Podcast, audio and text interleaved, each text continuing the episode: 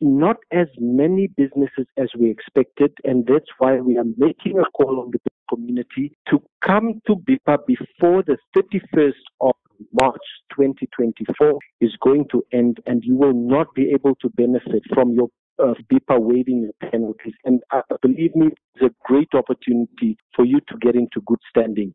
So what are benefits of waiving your penalties? Number one, you'll be in compliance with your registration obligations. You will receive a BIPA good standing certificate that is valid for, for 12 months. You will now be able to make amendments, you know, to your business